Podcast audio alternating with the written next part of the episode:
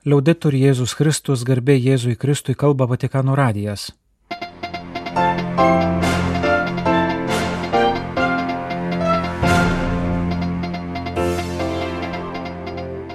Malonus klausytojai šioje programoje. Antradienį popiežius Pranciškus, kaip įprasta, prieš kelionę aplankė Didžiąją Marijos baziliką Romoje, taip pat nuotoliniu būdu kreipėsi į renginių Junktinėse valstijose dalyvius. Naujasis Alepo vyskupas - tikėjimo liudytojas.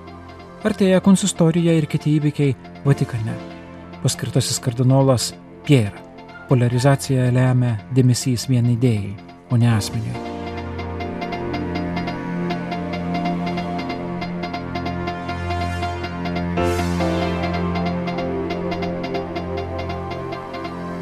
Popiežius Pranciškus antradienio priešpėtį nuvyko į popiežiškąją Didžiąją Marijos baziliką.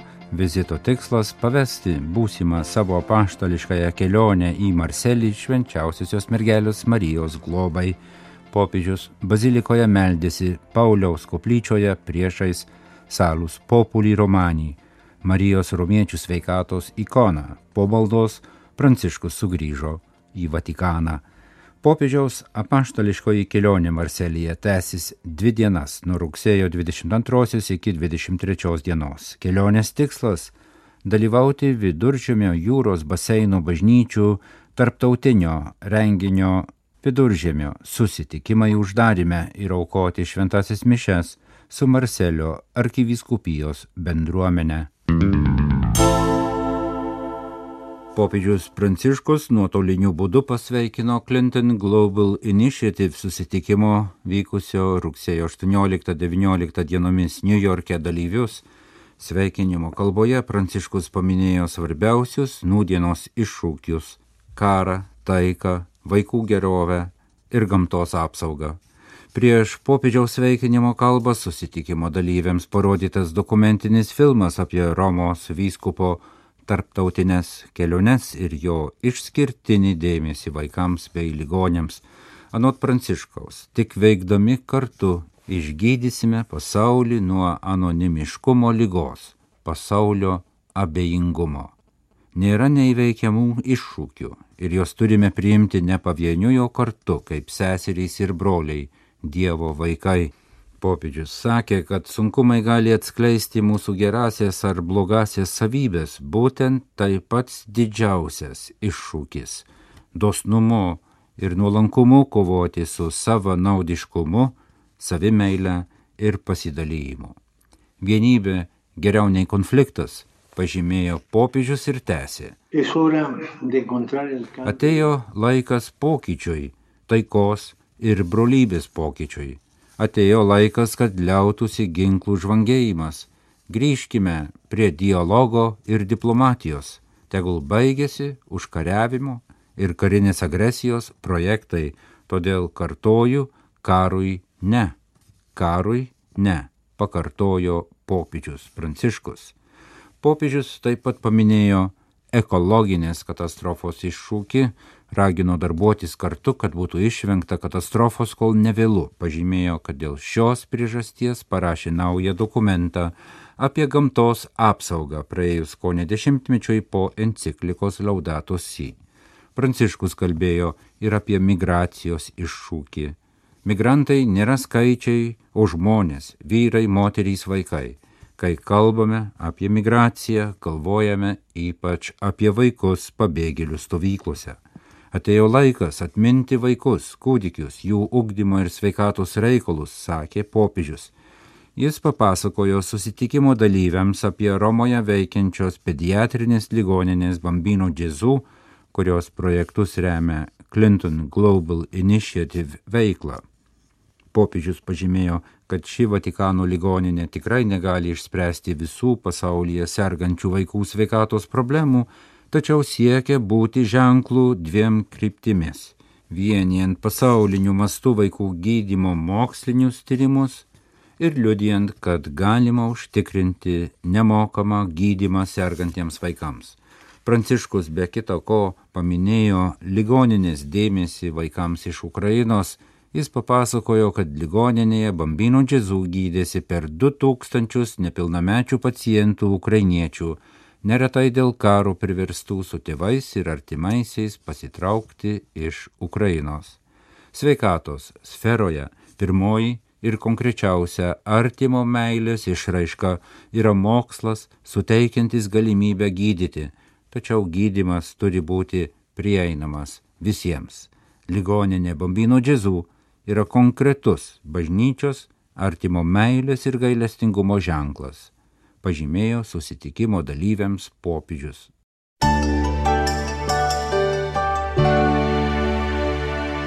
Naujo vyskupo paskirimas dešimties metų karo išsekintoje Sirijoje.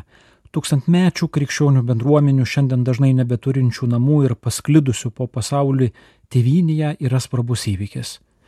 Ypač kai vyskupo tampa tas, kuris nepaliko savųjų pačiomis juodžiausiamis valandomis, kai gyvenimo ir mirties klausimai galėjo būti nulemti atsitiktinumų ar nuotaikų. Tai naujojo Alepo Lutino apieigų katalikų vyskupo Hanos Jalufo atvejis. Pranciškonas Hana Jalufas vyskupo šventimus gavo sekmadienį rugsėjo 17-ąją. Ant jo rankas uždėjo iš Romos atvykęs rytų bažnyčių dikasterijos prefektas arkivyskupas Klaudijo Gudžeroti. Iš Jeruzalės atvykęs Lutino apieigų patriarchas Pier Batista Pizzabala, pats pranciškonas galiausiai kardinolas Marijo Dzenarė, paštališkasis nuncijus Sirijoje. Apieigose taip pat dalyvavo skirtingų apieigų katalikų ir ortodoksų bendruomenių vadovai ar atstovai. Sunkiai krikščionių padėtis, kelianti klausimų dėl jų ateities, skatina pamiršti buvusius nesutarimus ir džiaugtis viskuo, kas vieną ar kitą bendruomenę sustiprina bei pagodžia. Virš 20 metų Idlibo srityje parapijoje klebonų dirbęs Hana Jalufas pelnė visuotinį tikinčiųjų pripažinimą ir pagarbą dėl to, kad neapleido jų tada, kai tą Sirijos dalį kontroliavo ISIS ir kitos islamistinės grupuotės. Pranciškonas kelis kartus buvo įkalintas, jam daug kartų buvo grasinta. Ir šie grasinimai nebuvo tušti. Sakoma, kad tu, tėve Hanna, tam, kuris pirmą su jėga įsiveržė į tavo namus, knaje tvirtai pasakėjai, čia taikos namai ir čia neinama su ginklu rankoje. Šiandien mūsų vedanti dvasia padarys tave čia esančios tikinčiųjų tautos tėvu ir sargų bažnyčios, taikos namų, į kurią įžengiama ne su ginklais rankose, bet su neginkluoto tikėjimo ginklu, sakė arkivyskupas Klaudijo Gudžeroti, vyskupo šventinimo mišių homilijoje, kurioje apžvelgė ir Sirijos panoramą.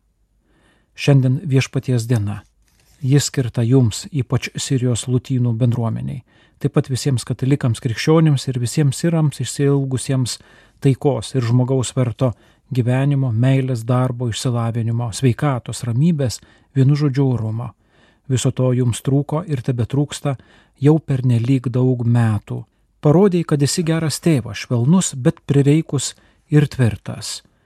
Nepalikai savo kaimenės vienos, bet likai kartu, net kai gyvybei grėsė pavojus.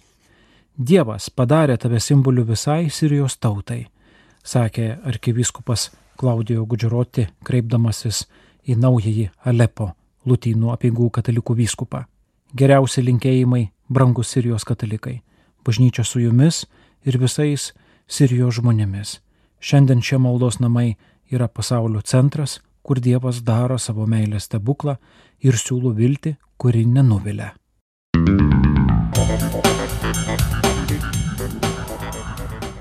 Rugsėjo 30 dieną popiežius Pranciškus vadovaus naujų kardinolų skirimo konsistorijai, naujųjų kardinolų įvesdinimo į kardinolų kolegiją apėgos šeštadienio rytą Šventojo Petro bazilikoje prasidės 10 val.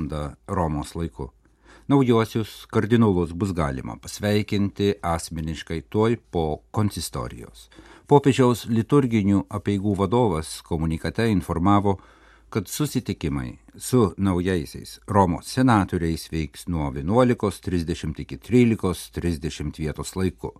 Popiežiui paskyrus naujus kardinolus, kardinolų kolegijos narių skaičius išauks nuo dabar esančių 221 iki 242, iš kurių 137 turės teisę ir pareigą dalyvauti konklavoje. Pirmosios popiežiaus mišios su naujais kardinolais įvyks trečiadienį spalio ketvirtą dieną 9 val. Šventojo Petro aikštėje, Šventojo Pranciškaus Asižiečio liturginės šventės dieną. Popiežius su naujais ir senais kardinolais, patriarchais, arkivyskupais, vyskupais ir kunigais aukos mišes vyskupų sinodo apie sinodiškumą asamblėjos atidarimo proga. Spalio ketvirtą dieną prasidėsianti Vyskupų sinodo asamblėja tema dėl sinodinės bažnyčios bendrystė dalyvavimas ir misija tęsis beveik visą mėnesį iki sekmadienio spalio 29 dienos. Pirmą kartą Vyskupų sinodo istorijoje asamblėjoje kaip pilna teisiai nariai dalyvaus ne tik vyskupai, bet ir kiti dvasininkai bei pašvestieji ir pasauliečiai, vyrai ir moterys. Likus kelioms dienoms iki asamblėjos pradžios, rugsėjo 30-ąją Vatikane įvyks ekumeninė maldos vigilija už vyskupų sinodą. Su Romos vyskupu, Konstantinopolio ir Jeruzalės ortodoksų patriarchais Kenterberio anglikonų arkivyskupų ir kitų krikščioniškų bendruomenių lyderiais Šventojo Petro aikštėje melsis nauji ir seni kardinolai, dvasininkai, pasauliečiai ir jaunimas. Maldos vigilijos tema - Together - Dievo tautos susitikimas. Po vigilijos Vyskupų sinodo asamblėjos nariai išvyks į Romos priemieščio Sakrofano Fraterna Domus rekolekcijų namus, kur iki asamblėjos pradžios spalio ketvirtą dieną dalyvaus trijų dienų trukmės dvasinėse pratybose. Priminsime, kad tą pačią spalio ketvirtąją baigėsi katalikų bažnyčioje nuo rugsėjo pirmos dienos minimas kūrinijos laikas o spalio ketvirtąją minima maldos dėl rūpinimosi kūrinyje diena. Būtent tą dieną laukiama naujo popiežiaus mokymo dokumento apie kūrinijos apsaugą, kuris senot Romos vyskupo bus jo enciklikos Laudato Si tesinys, ne enciklika, o apaštališkasis paraginimas. Praneždamas apie naują dokumentą, Pranciškus patikino, kad jo prireikė, nes gamtos ir klimato žalojimas prilyksta pasauliniam karui.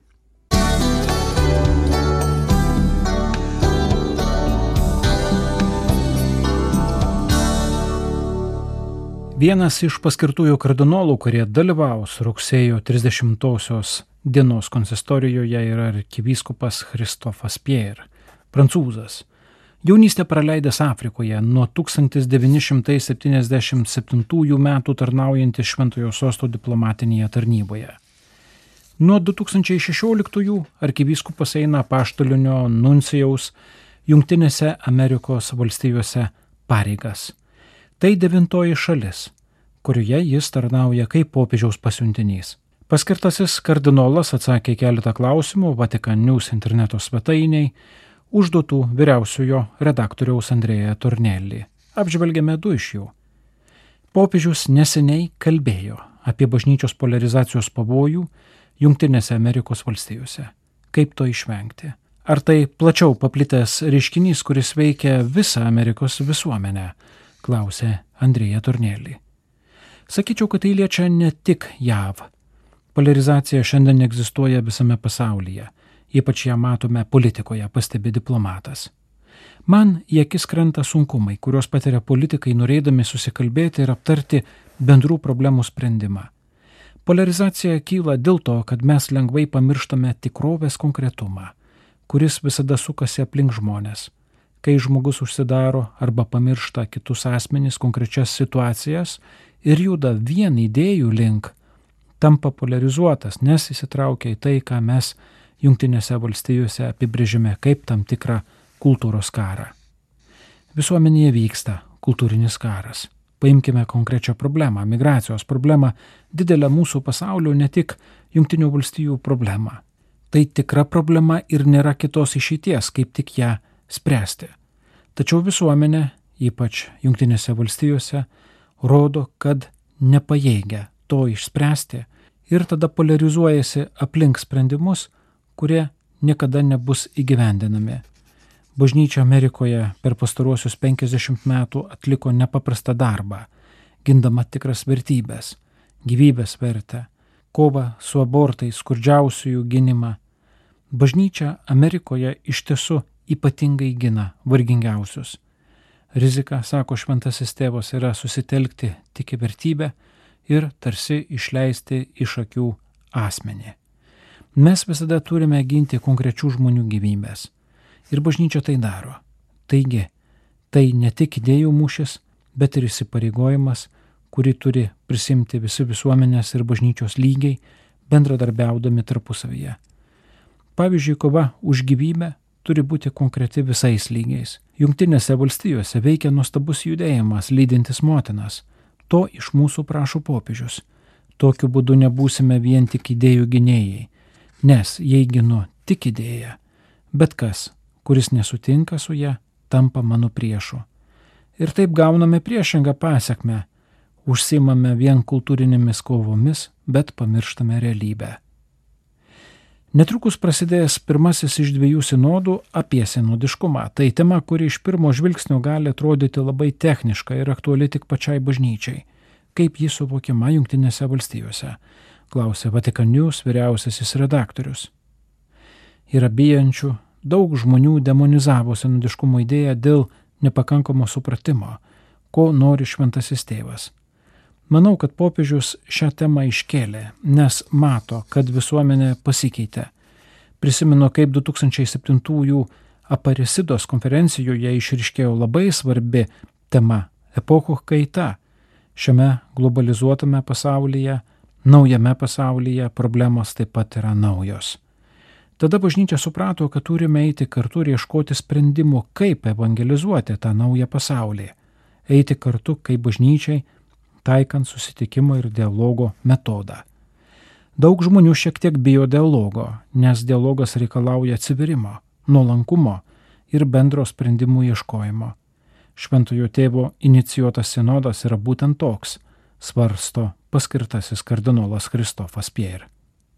Deja, daug žmonių neperskaitė gerai visų pranciškaus kalbų. Pavyzdžiui, kai jis sako, turime būti kartu, kalbėtis, išklausyti vieni kitus, klausytis, drauge melstis ir prašyti šventosios dvasios, kad ji mus įkvėptų. Yra manančių, kad tai reiškia perdaryti bažnyčią į kažką naują, neturinčio nieko bendro su senaja ir sakančių - tai katastrofa. Šiandienos iššūkis - įveikti šią baimę ir pradėti eiti iš naujo. Turime tai daryti labai nuolankiai, įsiklausydami vieni kitus, matyti, ką jau padarėme evangelizuodami naująjį pasaulį, apsikeisti idėjomis ir tada padaryti tam tikras išvadas dėl evangelizacijų, o ne dėl visų struktūrų pakeitimo ar tokių išvadų, kurios galbūt yra kai kurių grupių darbo tvarkės dalis. Pastebi arkivyskupas Kristofas Pierre, apaštalinis nuncijus Junktinėse Amerikos valstijose.